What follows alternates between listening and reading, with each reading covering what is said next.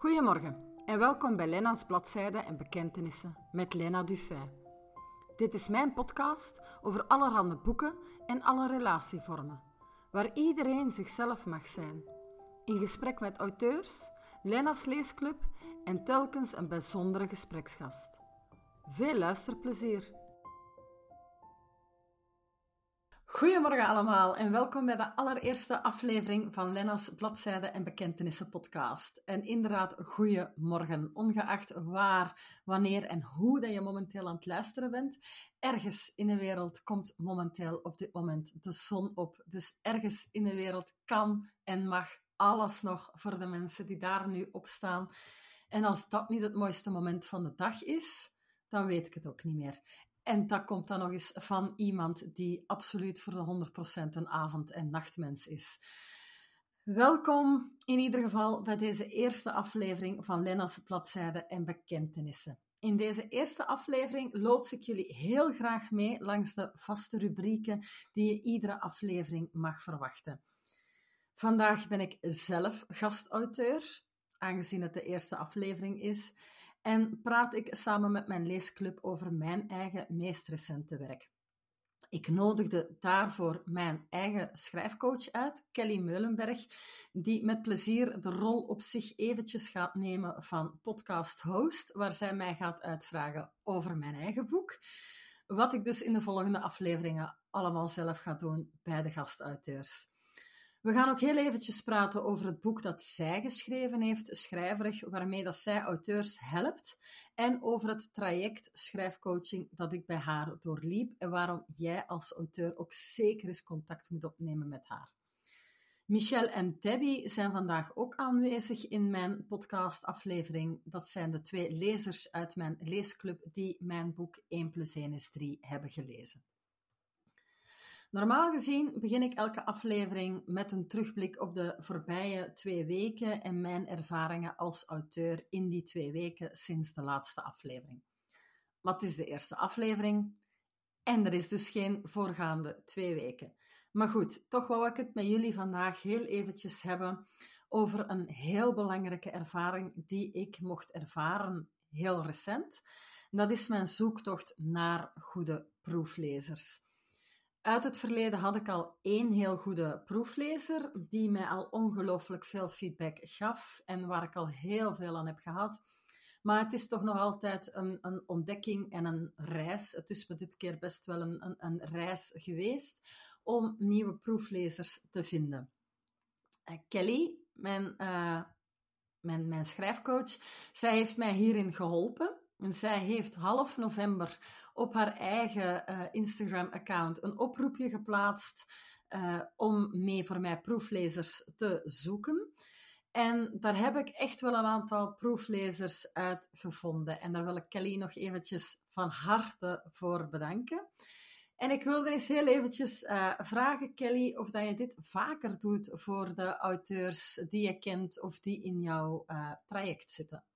Ja, zeker. Ik um, vind het zo belangrijk dat iedere schrijver zo'n team om zich heen weet te verzamelen van nou ja, de juiste schrijfcoach. Ik hoop natuurlijk dat ik dat uh, kan zijn. En daarna dan de juiste proeflezers, de juiste uh, corrector. Um, en natuurlijk ook kijken naar, naar op welke manier wil je het boek gaan uitgeven. En wie passen daar dan allemaal bij?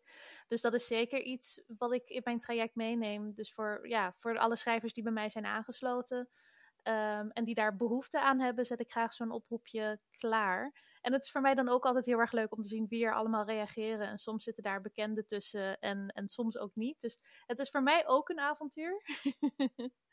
maar het is, ja, het is gewoon zo fijn om te horen dat, uh, dat daar iedere keer wel goede proeflezers tussen zitten. En dat die boeken daar gewoon weer een slag beter van worden. Ja, en waar, je zegt het zelf eigenlijk al een beetje, waarom is het zo belangrijk om proeflezers uh, te hebben? Wat, wat dragen ze eigenlijk bij aan een manuscript? Het, um, de proeflezers zijn eigenlijk je testpubliek. Het is voordat het boek helemaal af is, maar nadat uh, jij als schrijver er al nou ja, duizenden keren doorheen bent gegaan, um, al dan niet samen met mij, en uh, op een gegeven moment heb je gewoon die extra blikken nodig. Want jij weet precies wat je wilt bereiken met je boek. Jij weet precies wat je bedoelt en wat er allemaal in het verhaal zou moeten staan. En ik weet dat voor een heel groot gedeelte ook. En vervolgens hebben we mensen nodig die volledig blanco het boek openslaan en beginnen te lezen. En ehm, dan willen we hun ervaringen horen van, ja, is alles ook echt zo duidelijk als dat het zou moeten zijn? En is het spannend op de juiste plekken? En is het sexy op de juiste plekken als dat nodig is voor het verhaal? Ehm, en ja, daar heb je gewoon meerdere proeflezers voor nodig, want feedback van één iemand is fijn. Maar vaak is het juist doordat je feedback krijgt van meerdere mensen, dat je ook beter kunt inschatten, oké, wat hiervan is nou echt technische feedback en wat hiervan is nou een opmerking die komt uit iemands smaak. Of het nou, ja, zo van, nou ja, ik vind dit wel goed of niet zo sterk, omdat het gewoon aan hun persoonlijke smaak ligt. En hoeveel proeflezers adviseer je gemiddeld dat een, een, een manuscript doorlezen wordt? Voor zeg maar, die eindronde, dan zou ik zeggen drie tot vijf. En ik weet dat jij er nu op dit moment veel meer hebt. Maar ik denk dat het voor jou ook goed is, omdat je inderdaad in zo'n, uh, uh, op zo'n punt staat. Dat je dat team om je heen aan het verzamelen bent. Van, hè, je hoopt nu een aantal proeflezers te vinden die je ook voor je volgende boeken kunt inzetten. En um, hè, misschien zal lang niet iedereen voor ieder boek tijd hebben. Dus dan is het fijn als je meer namen hebt om op terug te vallen. Maar met zo'n drie tot vijf mensen, dan krijg je genoeg verschillende opmerkingen. En weet je dus ook genoeg van: oké, ja, hier zijn jullie alle drie het over eens. Dan is dat wel iets waar ik mee aan de slag moet. Um, en als de opmerkingen heel erg uit elkaar lopen, dan weet je dus ook van: nou, hier gaat het meer om iemands persoonlijke smaak. Dus deze opmerking ga ik gewoon negeren. Dat mag ook. Een laatste vraag die nog eventjes bij me opkomt. Is er een verschil tussen alpha en beta-readers voor je manuscript? Oeh, um, ja. en dat zijn echt van die termen uit, uit de, de Engelse boekenwereld. Um, dus ik gebruik ze zelf. Ja, wordt het in Vlaanderen en Nederland ook gedaan om je proeflezersgroep op te splitsen in alpha- en beta-readers of veel minder? Ik denk dat dat inderdaad veel minder voorkomt. Um, maar misschien dat ik dan wel het alpha-type uh, ben. Dus echt iemand die in de eerste stadia van het verhaal met je meeleest. En de beta-lezers zijn dan meer de proeflezers, zeg maar het testpubliek voor die laatste ronde. Uh, als ik het, volgens mij omschrijf ik het verschil zo goed. Maar dat vind ik eigenlijk wel leuk. Ga ik nog even opzoeken. is voor een volgende keer misschien. Ja, ik kom bij je terug. oh, dat is leuk, die ga ik noteren. um, ik uh, heb jou natuurlijk ook uitgenodigd. Enerzijds omdat je mijn schrijfcoach bent geweest. Je hebt me enorm begeleid met mijn boek dat momenteel bij mijn proeflezers ligt. Uh, het voorbije jaar. Het is een spannend en uitdagend uh, jaar geweest. Um, maar het ding is, je hebt zelf ook een boek geschreven, schrijverig. En dat is een boek voor auteurs of voor mensen die willen schrijven. En ik zou eens willen weten, waarom zouden auteurs of mensen die aan schrijven willen beginnen, of waarom moeten ze dat boek zeker lezen? um, dit boek is voor mij echt een verzameling van tips, van oefeningen die ik uh, de afgelopen uh, tien jaar ondertussen, um, de afgelopen tien jaar heb verzameld. Uh, of nou toen waren het nog geen tien jaar, maar de afgelopen jaren verzameld. Dus in coachsessies, um, individuele schrijfoefeningen voor mensen die ik uh, korte tijd begeleide. Uh, oefeningen uit cursussen die ik niet langer geef, maar waarvan ik wel weet, dit zijn gewoon supergoede oefeningen en, en hier kunnen heel veel schrijvers bij gebaat zijn. En dit boek is dus echt gericht op iedereen die wil beginnen met schrijven of die, die op het punt staat om het schrijven meer serieus te gaan nemen. Um, dus het is echt een heel goed maatje om ja, lekker mee op ontdekkingsreis te gaan van, nou ja, wat wil ik nou eigenlijk allemaal schrijven? Wat voor dingen vind ik leuk? Wat voor dingen vind ik interessant? Wat wil ik allemaal uitproberen? En voor de mensen die uh, een boek aan het schrijven zijn, of al meerdere boeken op hun naam hebben staan, is het alsnog een heel fijn maatje. Want er zijn gewoon van die twijfels die iedere keer weer terugkomen. Dat weet jij, dat weet ik. Um, en dit boek is dan wel fijn, dat kan je dan gewoon even openslaan en zo van, oh ja, oh ja, even een aantal van die tips lezen en, en wat oefeningen doen, dat je jezelf weer uit die valkuil kunt trekken. En de kennis die je daarin hebt staan, die heb je verzameld uit vorige coachingsessies en zo. En waar is die algemene kennis uitgegroeid bij jou? Um, jarenlang zelf schrijven. Dat is natuurlijk waar, waar het allemaal mee begint. En uh, ik was een jaar of 17 toen ik ook echt dacht van, nou ja, ik, ik heb zelf zoveel aan dat schrijven. Ik wil daar andere mensen ook mee helpen. Want dit, dit, zo'n uitlaatklep gun ik iedereen. Het inzicht dat je over jezelf op kunt doen. Um, en nou ja, uiteindelijk, als dat je ambitie is om zo'n heel boek uit te geven, weet je, dat is zo'n, dat heeft zo'n impact op je leven. Um, maakt niet uit wat voor boek het is, hoe groot of hoe klein het ook wordt. En ja, dat, dat, dat gun ik gewoon iedereen. Een, mijn manier is schrijven, maar goed, nou ja, andere mensen hebben een andere creatieve uitlaatklep en dat, dat, daar zijn dan weer andere experts voor. Maar voor mij is het echt het schrijven. Ehm, dus ik heb mezelf daar gewoon constant in ontwikkeld en dat doe ik nog steeds. En verder ben ik film en literatuur gaan studeren, want ik dacht heel even, nou ja, misschien wil ik verhalen vertellen door middel van film. Maar uh, de boeken hebben toch gewonnen. En uiteindelijk heb ik een master in creative writing gevolgd. En dat was echt een jaar lang alleen maar schrijven, alleen maar lezen, alleen maar praten over verhalen. En dat doe ik nu eigenlijk nog steeds. Dus het is niet gebaseerd op een, uh, een luchtbelletje. Zeker niet. Nee, nee. Ik heb een studieschild om het te bewijzen. en ik kan zelf ook wel beamen dat het uh, zeker de moeite waard is. Um, zoals ik daarnet al zei, um, heb ik het afgelopen jaar ook jouw traject gevolgd op weg naar je boek. Uh, je hebt recent het traject ook een klein beetje um, nieuwe vorm gegeven. Um, zou je ons eens kunnen vertellen hoe dat het traject eruit ziet, wat er allemaal, ja, wat er allemaal in zit, wat je allemaal leert, wat er allemaal overlopen wordt? Ja, er zit heel veel in. En het, het wordt inderdaad ook steeds meer. dus dat is, dat is voor mij de uitdaging van hoe breng ik nou alle, alle kennis over en alle vaardigheden over die, um, die ik vind dat een schrijver nodig heeft. Maar ook hoe doe ik dat op zo'n manier dat jullie niet volledig overweldigd raken en zoiets hebben van, ja, dit is veel te veel werk, laat maar zitten, dat boek. um, en het is echt een combinatie van één op één werk. Dat is wel echt de, de harde kern. Dus jij stuurt je hoofdstukken in en daar geef ik feedback op. En um, dat bespreken we vervolgens samen. En, en nou ja, goed, alle persoonlijke dingen waar je verder tegenaan loopt in het schrijfproces. En soms is dat iets heel praktisch als hoe maak ik er nou meer tijd voor vrij. En um, nou ja, soms zijn het, wat ik net al zei, die persoonlijke twijfels, die angsten van nou, is het allemaal wel goed genoeg en wie wil dit nou lezen en wat als het allemaal, uh, wat als iedereen het straks een flutboek vindt. Um, daar praat ik je dan ook doorheen.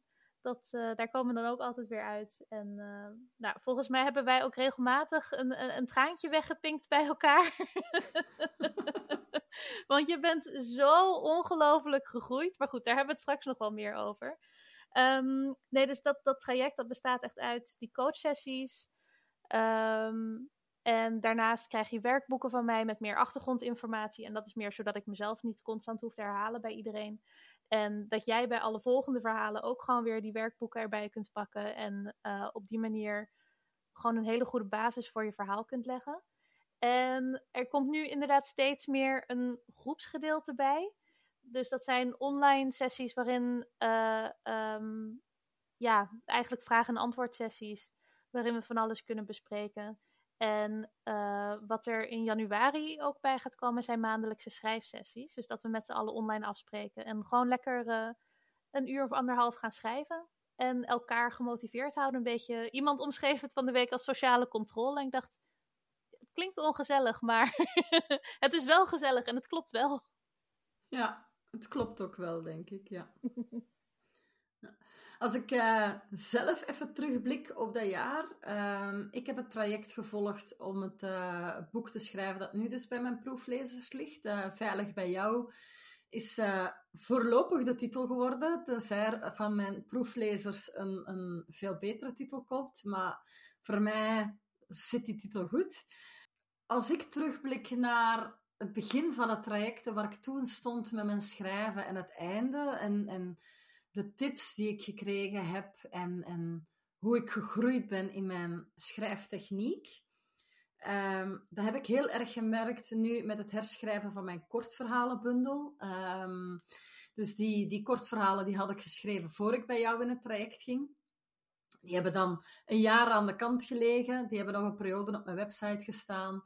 Uh, ik heb die dan van de website gehaald omdat er uh, heel wat vragen kwamen van kunnen we die ook in paperback of op e-book krijgen? Dus ik heb die eraf gehaald. Ik ben die gaan herlezen. Ik heb enorm in mijn haren gekrapt. en ik ben die gaan herschrijven met de technieken en het advies die ik van jou heb meegekregen. En ik kan alleen maar beamen dat het echt veel, veel, veel beter is geworden. Nu, dan nog terzijde, kort verhalen is heel iets anders dan een heel boek en ik doe het nooit meer. dat is... Uh, de kortverhalenbundel is een once in a lifetime and never again. Maar ik moet hem uitbrengen omdat de reeks die erop volgt er natuurlijk op gebaseerd is. Dus ja, als, ik het, als er ook maar één auteur momenteel luistert, dan kan ik hem alleen maar adviseren en aanraden om uh, met Kelly contact op te nemen en het traject te volgen. Het is uh, echt dubbel en dik de moeite waard.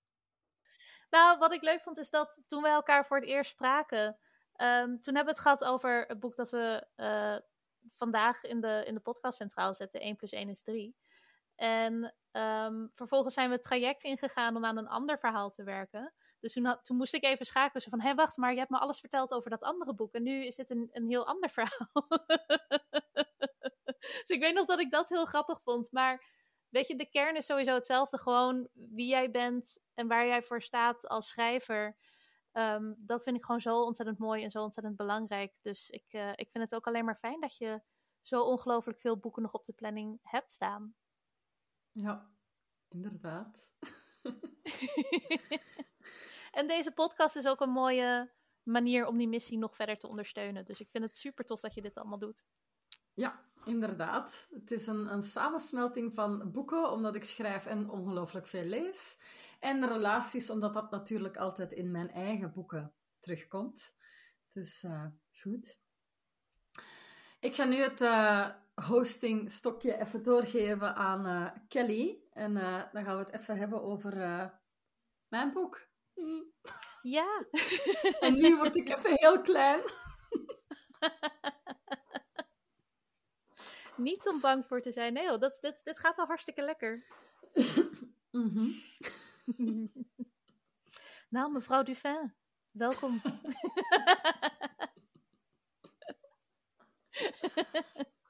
ja, we zitten hier om uh, eh, 1 plus 1 is 3 te bespreken. En dat is uitgekomen in uh, september. Ja. En um, nou ja, wat ik zei, een jaar geleden kreeg ik er dus al een heel, heel klein voorproefje van. En uh, nu is het er dan echt.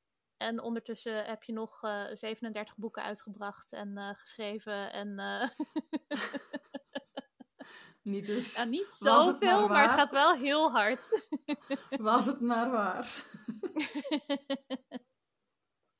nee, maar, en dit is voor jou wel je debuut als erotisch thrillerschrijver. Het is wel heel anders dan je, je eerste boek, toch?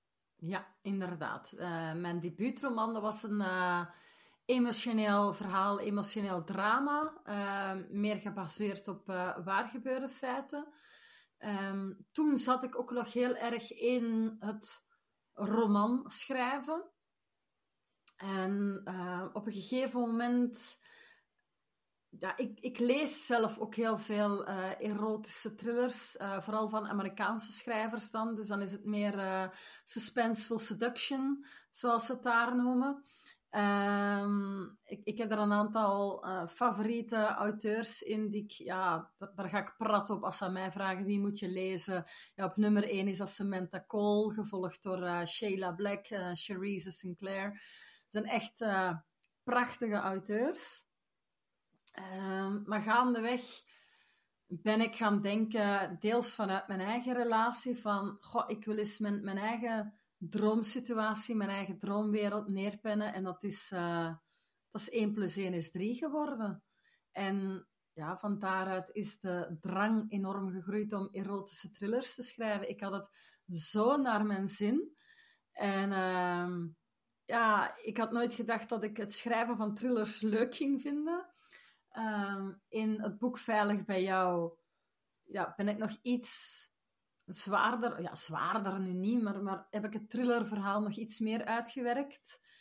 En in het verhaal dat ik nu aan het schrijven ben, heb ik zo'n ziekelijk personage neergezet dat mijn, dat mijn echtgenoot op een gegeven moment gewoon vroeg van uh, is het tijd om medicatie te gaan bestellen of lukt het nog? dus ja, uh, het, het, het, het, blijven erotische thrillers. ja. Ja, ja, daar is een, een flinke dosis creativiteit voor nodig. ja.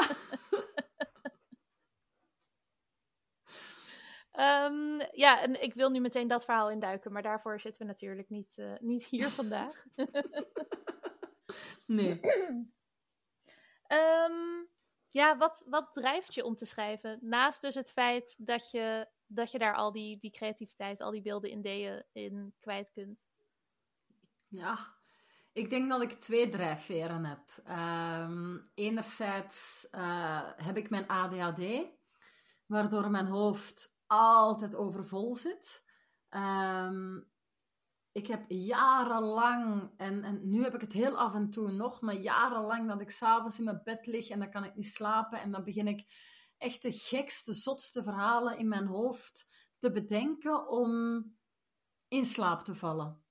Dus um, dat was mijn manier om, om in slaap te vallen, begin ik verhalen te vertellen. Um, ik schrijf ook al van, van, van kleins af aan. Uh, vroeger in de lagere school ja, dan moesten we opstellen schrijven. Uh, daar kreeg ik ook altijd heel goede punten voor. Uh, af en toe zelfs de reactie van de leerkracht van het mocht iets korter zijn. Uh, waar dat de klasgenoten dan vaker te horen kregen van het mag wat langer, was het bij mij heel vaak van het mag wat minder. Het, mag, het, het, het is maar een opstel, het is geen, het is geen boek. ik had hetzelfde, ik had dat ook. Ja, ja. Uh, dat is iets wat ik trouwens vaker hoor van, van auteurs, maar, maar goed. En dan uh, in mijn jeugdjaren heb ik heel vaak mijn gevoelens uh, weggepend in, in, in gedichten. Minder in verhalen, maar in gedichten even alles kort noteren. ik, had ook, ik heb altijd een dagboek gehad. dat was ook mijn manier om alles van mij af te schrijven. Um, ik heb niet de gemakkelijkste jeugd gehad, um, ook omwille van mijn ADHD. En uh, dat was mijn manier om echt alles van mij af te schrijven.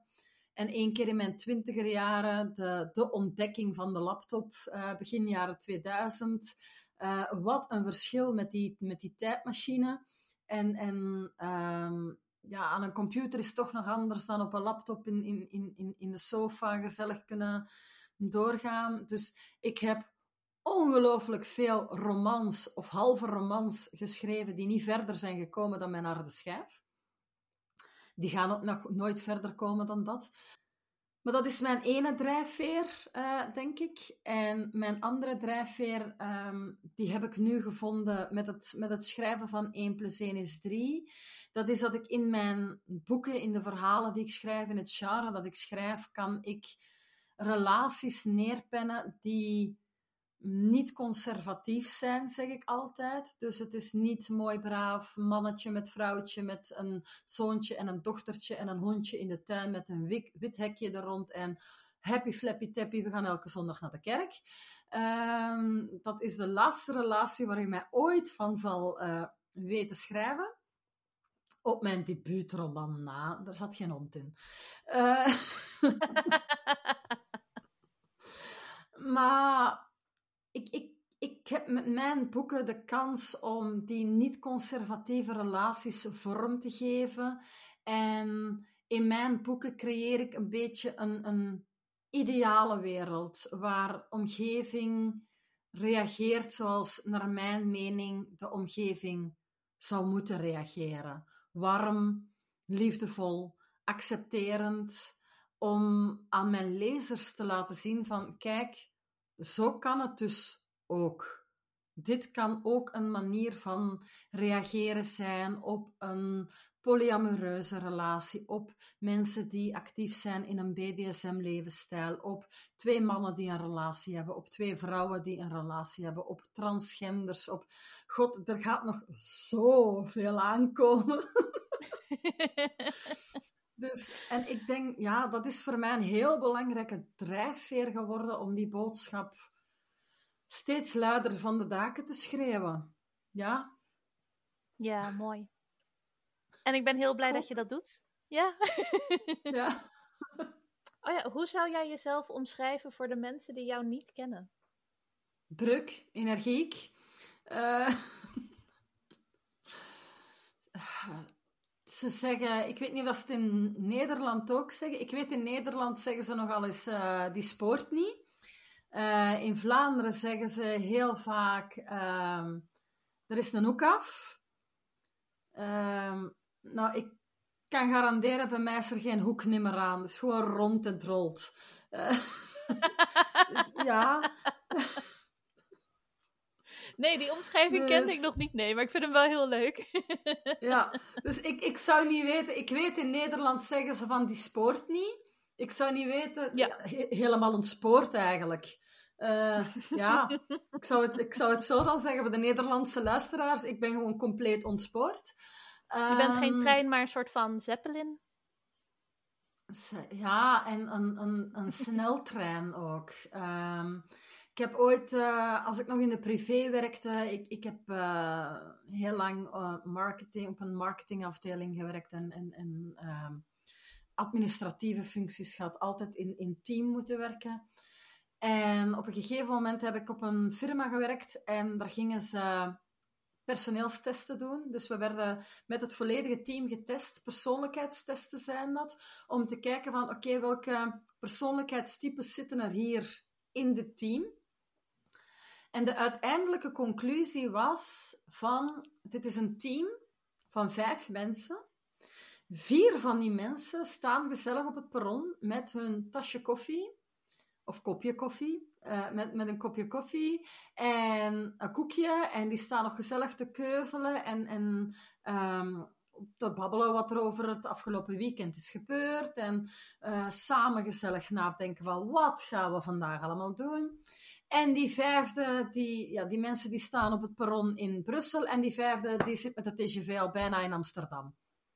Dat was ik dus. ja. Dus, ja, uh, duidelijk. ik, ik ben niet het type persoon van, ik krijg een idee, ik ga daar rustig over nadenken, ik ga dat uitwerken, ik ga daar een nachtje laten rusten. En nee, ik krijg een idee en ik ga. En ik begin en ik, ik, ik blijf gaan. Dat, dat omschrijft mij wel. En ja, energiek en, en ja, altijd in voor een goed feestje en humor en open en voor heel veel mensen blijkbaar ook een, een, een, een luisterpaal. Ja. Mensen kunnen heel goed hun hart bij mij luchten en dan luister ik en probeer ik advies te geven. En ja. En veel te creatief. Mooie combinatie. Van super hard kunnen gaan en dan ook af en toe stil kunnen staan. Voor jezelf of voor een ander. Ja. ja.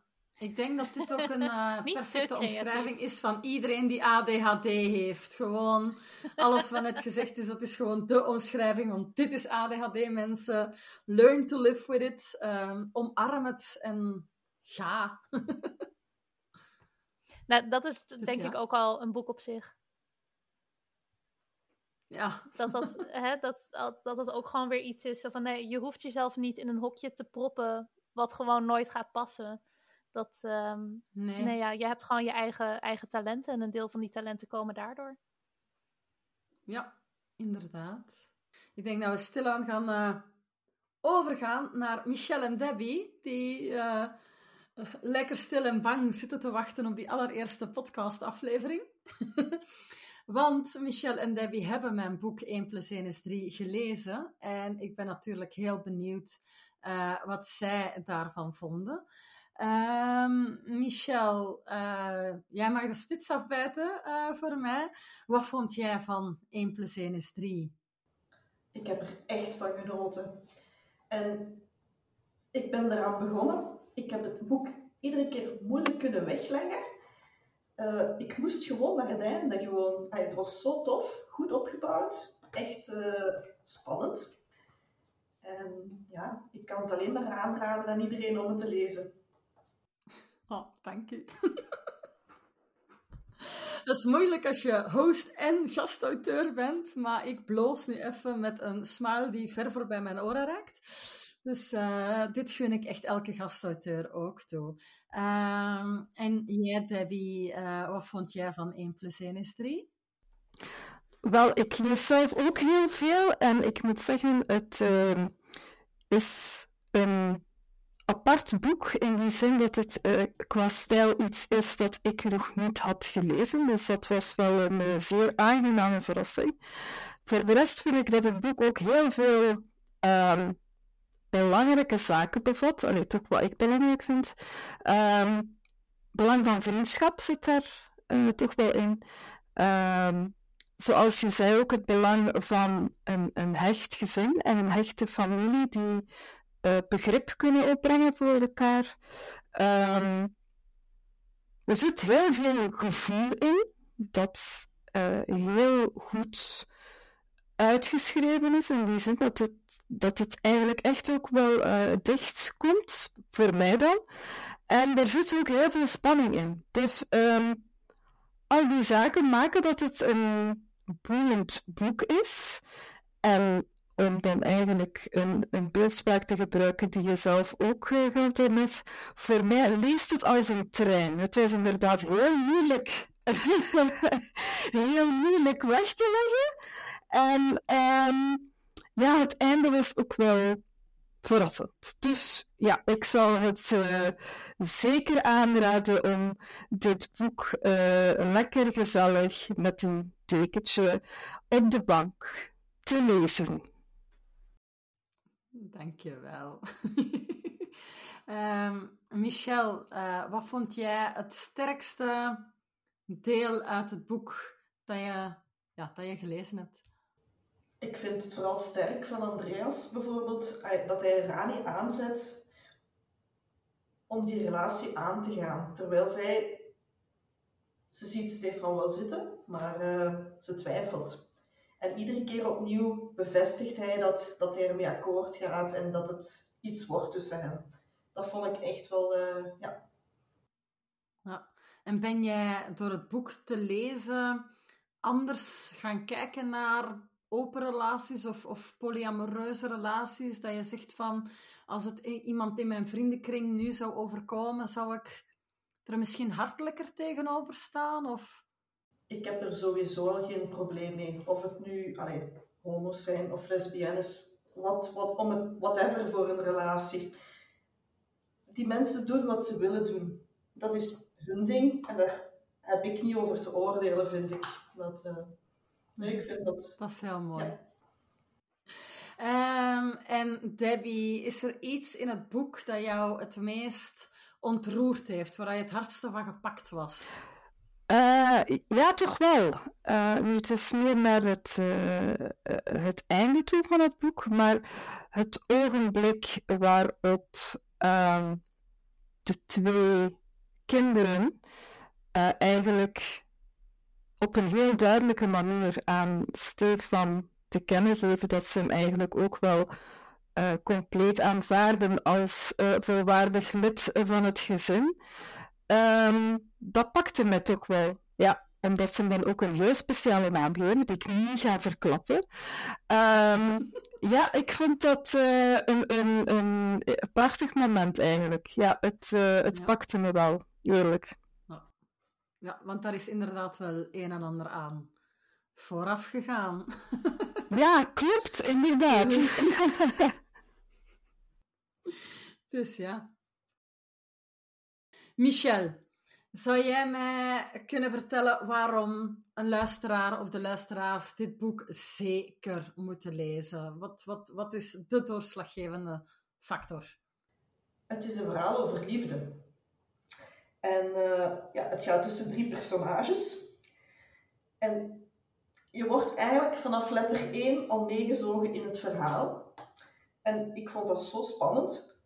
het laat u eigenlijk niet los. Je wilt gewoon weten van, ja, wat gaat er nu gebeuren? Wat is er nu? Of ja, hoe, hoe gaat het verder? En dan plots is letter, de laatste letter daar. En dan is het gedaan. Dat vind ik zo jammer. Maar komt er misschien een vervolg? Voorlopig komt hier geen vervolg van, maar wie weet. Wie weet. Ja, ik, eh, ik, ik heb nu een, een reeks van 15 op de stapel liggen, dus Ander daar werk. hebben we ons handen aan vol. Ja, inderdaad. Maar wie weet in de toekomst ooit. We zullen zien, hè. Ehm, ik eh, bedankt allebei om mijn boek te lezen, echt waar. En voor de mooie feedback. Ik ben blij dat jullie het een, een mooi boek vonden. Ehm, en dan lijkt het mij stilaan tijd om over te gaan naar de laatste rubriek. En de laatste rubriek, normaal gezien, nodig ik altijd iemand in mijn eh, podcast uit die een ja, niet-conservatieve relatie heeft of een, of een niet-conservatieve geaardheid heeft. En die is er nu niet en wel, want ik zit zelf in mijn podcast en eh, Kelly zit in mijn podcast. En voor zij die het nog niet weten, hoewel ik het van de daken schreeuw op mijn Instagram-account en noem het allemaal maar op. Maar mijn man en ik hebben dus inderdaad een open relatie. Ehm, wij daten met andere mensen, daar is 0,0 jaloezie. Ehm, en dat heeft onze relatie alleen maar verrijkt. En ik ben gezegend met een fantastische vriendenkring rondom ons, die dat allemaal accepteren, die daar eh, geen lelijke opmerkingen van maken. Ehm, ja, noem het allemaal maar op.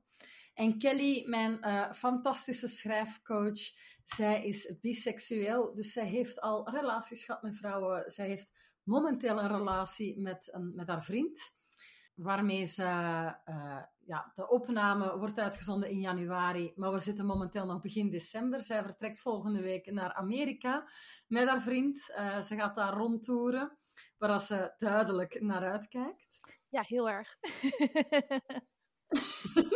het zal wel zijn. Eh, maar ik wou toch eens, ja, ehm, bij Kelly, bij jou even checken van hoe staat jouw familie tegenover het feit dat jij biseksueel bent en dat je soms eens met een vrouw thuiskomt dan met een man? Of, of ja, hoe zijn daar de reacties ooit geweest? Ik heb het geluk gehad dat dat geen enkel probleem of geen enkele discussie heeft opgeleverd. Ehm, en zeg maar, aan de ene kant heb ik het altijd wel geweten. Zo van, nou ja, er zijn zoveel miljarden mensen op de planeet. Waarom zou ik alleen maar voor, voor hè, standaard jongens of standaard mannen gaan? Ehm, maar tegelijkertijd, ja, viel ik een hele tijd lang niet op vrouwen. Dus ik zoiets van, oh, nou, oké. nou, dan, dan zal ik toch wel hetero zijn. Ehm, totdat uiteindelijk toch bleek dat ik heel erg niet hetero ben. Um, en toen had ik ook zoiets van: oké, nou ja, dan wil ik het toch ook wel aan mijn familie vertellen. Um, en ja, ik, ik had van tevoren ook niet verwacht dat mijn ouders er een probleem van zouden maken. Dat mijn broertje er een probleem van zou maken. En daar had ik gelukkig gelijk in. Met mijn grootouders vond ik het ietsjes lastiger. Want ik had zoiets van, ja, dat is toch... Ze zijn van een heel andere generatie. En uh, wie weet ja. houden zij er inderdaad toch meer conservatieve ideeën op na. Maar uh, dat was ook gewoon gelukkig geen enkel, geen enkel probleem. Een van mijn oma's zei letterlijk: Oh ja, dat kan natuurlijk ook. en dat is wel echt gewoon eigenlijk zo'n soort van gebrek aan reactie. zo'n anticlimax. en dat, dat, dat gun ik iedereen, weet je. Dat is hoe, hoe het zou horen te zijn. Weet je, je valt gewoon op wie je valt, omdat die persoon goed bij je past. En, en wat voor. Uh, uh, lichaamsdelen daar verder al dan niet aan hangen. Ja, lekker boeiend. Ja, nee. en voor mij zou het uh, een, een, een, ideale, een ideale wereld voor mij zou, zou eruit bestaan als die term van uit de kast komen niet meer zou bestaan. Dat, dat, dat, dat, dat jongeren, dat kinderen gewoon kunnen zeggen van mama, papa, ik breng vrijdag of zaterdag of woensdag namiddag na school komt mijn lief mee. En dat daar gewoon geen verwachting meer aanhangt. Dat dan nu een jongen of een meisje is, dat je als ouder gewoon geen verwachting hebt, dat die kinderen niet dat gevoel hebben van ik moet hier uit de kast komen, ik moet hier eerst mijn ouders gaan voorbereiden van ik heb gevoelens voor hetzelfde geslacht of voor allebei, of dat dat gewoon weg. Ja, of oh, mijn partner is non-binair en, uh, ja. en, en, en dit zijn de voornaamwoorden ja. uh, die hij gebruikt. Ja, nee, het zou allemaal, het zou allemaal geen issue moeten zijn. Maar inderdaad. zover zijn we helaas nog niet over. En heb jij ergens ooit momenten gehad dat als jij een, een vriendin had, dat jullie over straat liepen of ergens aanwezig waren, dat er reacties kwamen uit omgeving of uit de maatschappij waarvan dat jij dacht van, god jongens, we zijn de 21ste eeuw? Ja, en um, nog steeds valt het voor mij heel erg mee wat ik heb meegemaakt. Weet je, ik ben gelukkig nooit, uh, ik heb nooit geweld meegemaakt. Uh, of wat dan ook, maar inderdaad wel gewoon nageroepen. En, en er zijn bepaalde uh, steden en buurten waar mijn toenmalige vriendin en ik niet hand in hand liepen, omdat we inderdaad niet wilden, we wilden niks uitlokken. En het feit dat ik nu weer een vriend heb en dat het echt gewoon totaal niet uitmaakt. Sterker nog, dat ik veiliger ben als ik wel hand in hand met hem loop. Dat is gewoon zo krom. Want voor mij aan de binnenkant, weet je, het gevoel van, van verliefd zijn op iemand, dat is gewoon precies hetzelfde. En, en je bent op ieder persoon verliefd om andere redenen, maar het, het effect, het gevoel is hetzelfde. Voor mij maakt dat echt niet uit of het een, een vrouw is of een man. Maar de buitenwereld reageert er anders op. Dat is, dat is gewoon een feit. Ja, dat is inderdaad spijtig. Dus, en dat is iets wat ik heel raar vind, uh, wat ik zelf ervaar. Um, ja, zoals ik dan zei, wij hebben een, een, een open relatie en we zijn uh, afgelopen weekend zijn we nog eens op vrijdagavond gaan stappen met uh, heel wat van onze vrienden. die vrienden weten dan inderdaad dat ja, mijn man mag daten, mag flirten, mag... Ik gun het hem ook van harte. Ik vind het altijd... Ik vind het zelfs schattig als ik hem zie flirten. Ik, ik vind dat altijd schattig. Ik weet niet waarom, maar... Uh, en uh, vrijdagavond was er dus inderdaad een, een, een vrouw waar hij zijn oog op heeft laten vallen. En hij was aan het flirten en hij stond daarbij.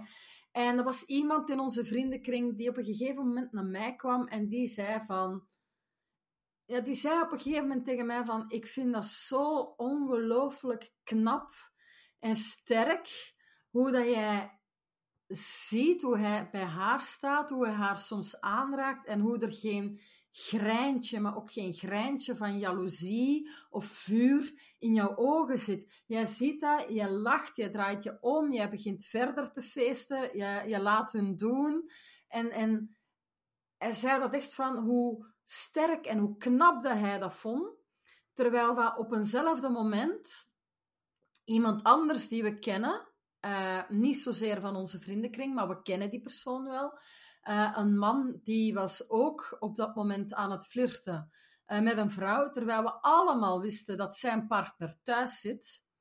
En we allemaal wisten dat die geen open relatie hebben.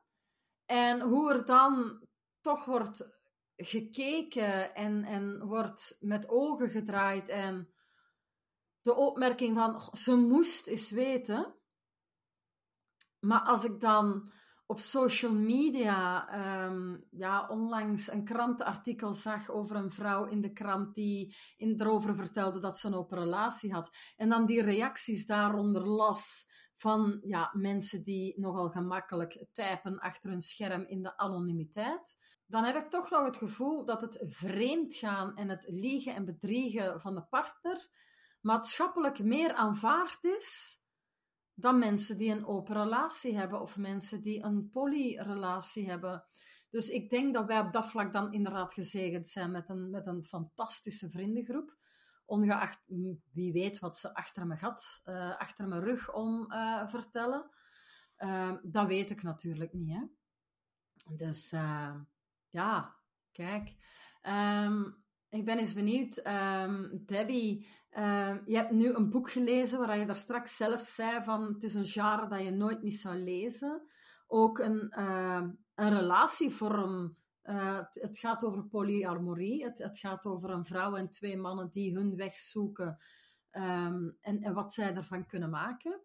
Ehm, maar hoe ervaar jij dat in, in andere boeken, bijvoorbeeld? Ehm, ik kan niet onmiddellijk een boek opnoemen waar een niet-traditionele relatie in beschreven wordt. Ehm, ik denk dat dat, uh, ja, ik weet niet of schrijvers dat zien als de standaard, of misschien van uh, we gaan het zo doen omdat dat op veilig spelen is als schrijver. Ik, ik weet het niet. Uh, ik ben zelf geen schrijver, dus kan daar moeilijk over uitspreken. Maar ik vind uh, het, het signaal dat je geeft, vind ik, uh, vind ik heel positief. Omdat uh, ik ook merk aan jongeren dat zij daar veel minder een, een probleem mee hebben. Ook niet allemaal natuurlijk. Um, maar persoonlijk vind ik dat dit wel een, een, een genre is of een grote opportuniteit is. Mensen ervan bewust te maken dat, dat het eigenlijk niet zo traditioneel hoeft. En als er inderdaad mensen zijn die niet zo'n traditionele relatievorm hebben, dat ze eigenlijk wel um, op die manier ook een meer begrip uh, zullen krijgen. Persoonlijk kende ik ook niemand uh, die dergelijke relatie heeft. Althans, niet iemand die ervoor uitkomt. Misschien is het wel zo, maar we weten het gewoon niet. Dat kan ook.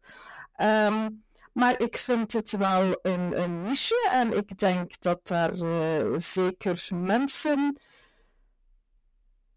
er een heel boeiend aspect in zien om deze zaken ook uh, ja, te kunnen lezen. Hoe het uh, eigenlijk allemaal gaat en hoe het kan.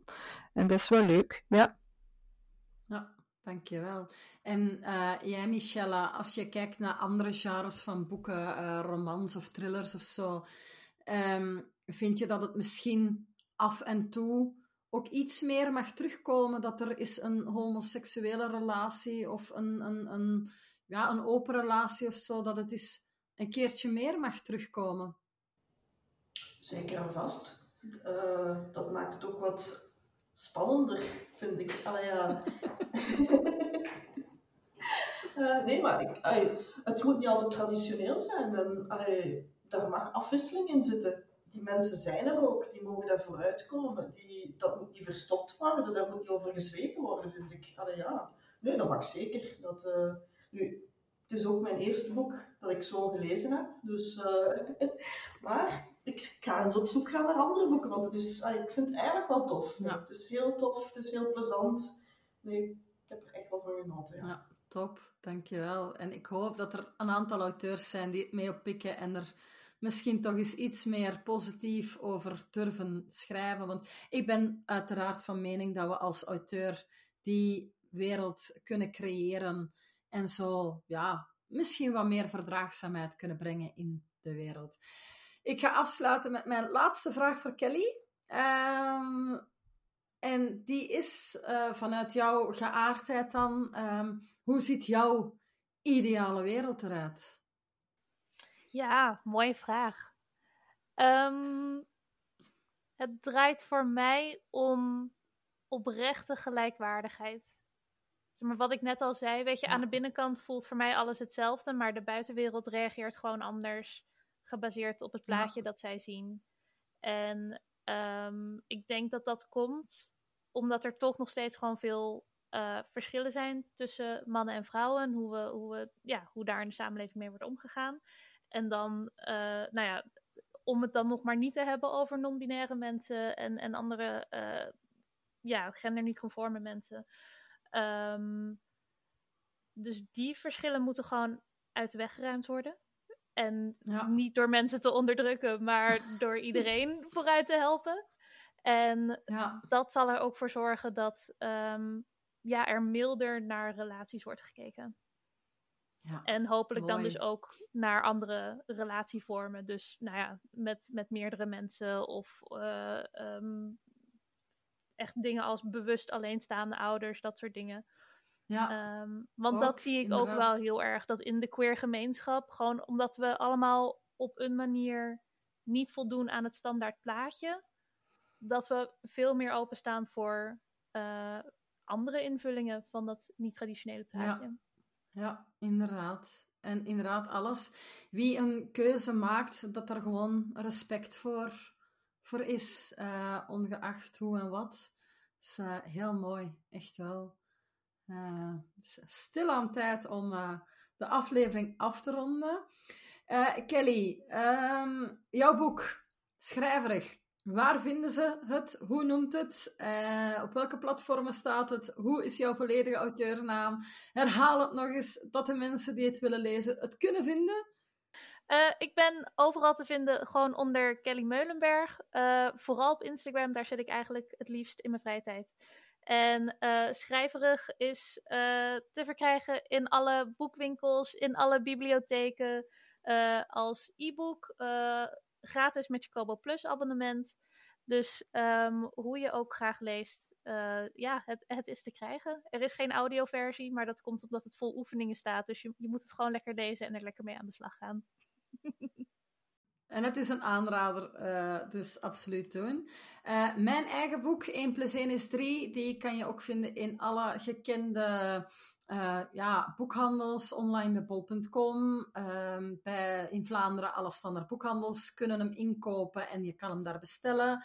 Ook alle e-readers, dus Kindle, Kobo, Google Books, Apple Books. Je kan hem erop downloaden, staat ook in Kobo Plus, dus dan kan je hem gratis downloaden.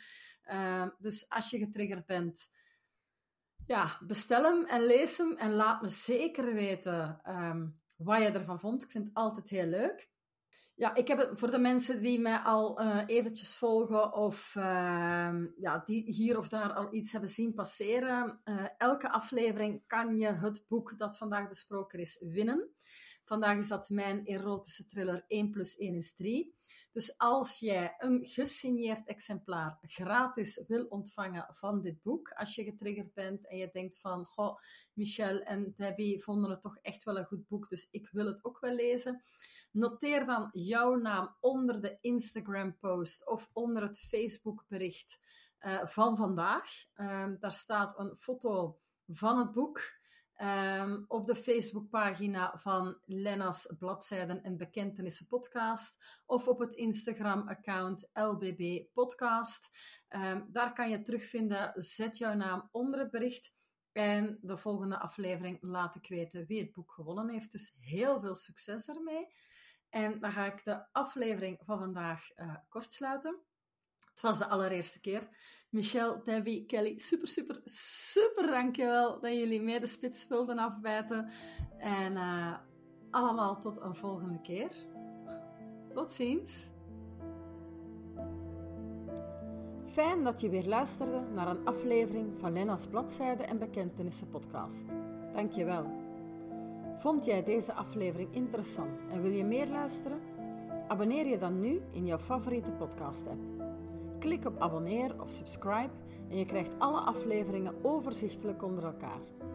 Telkens er een nieuwe podcast-aflevering gepubliceerd wordt, ontvang je automatisch een bericht. Zo blijf je helemaal bij.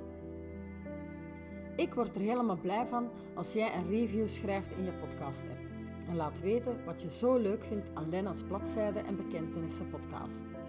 Zo ontdekken andere luisteraars ook mijn podcast en kunnen we samen meer lezen en liefde verspreiden.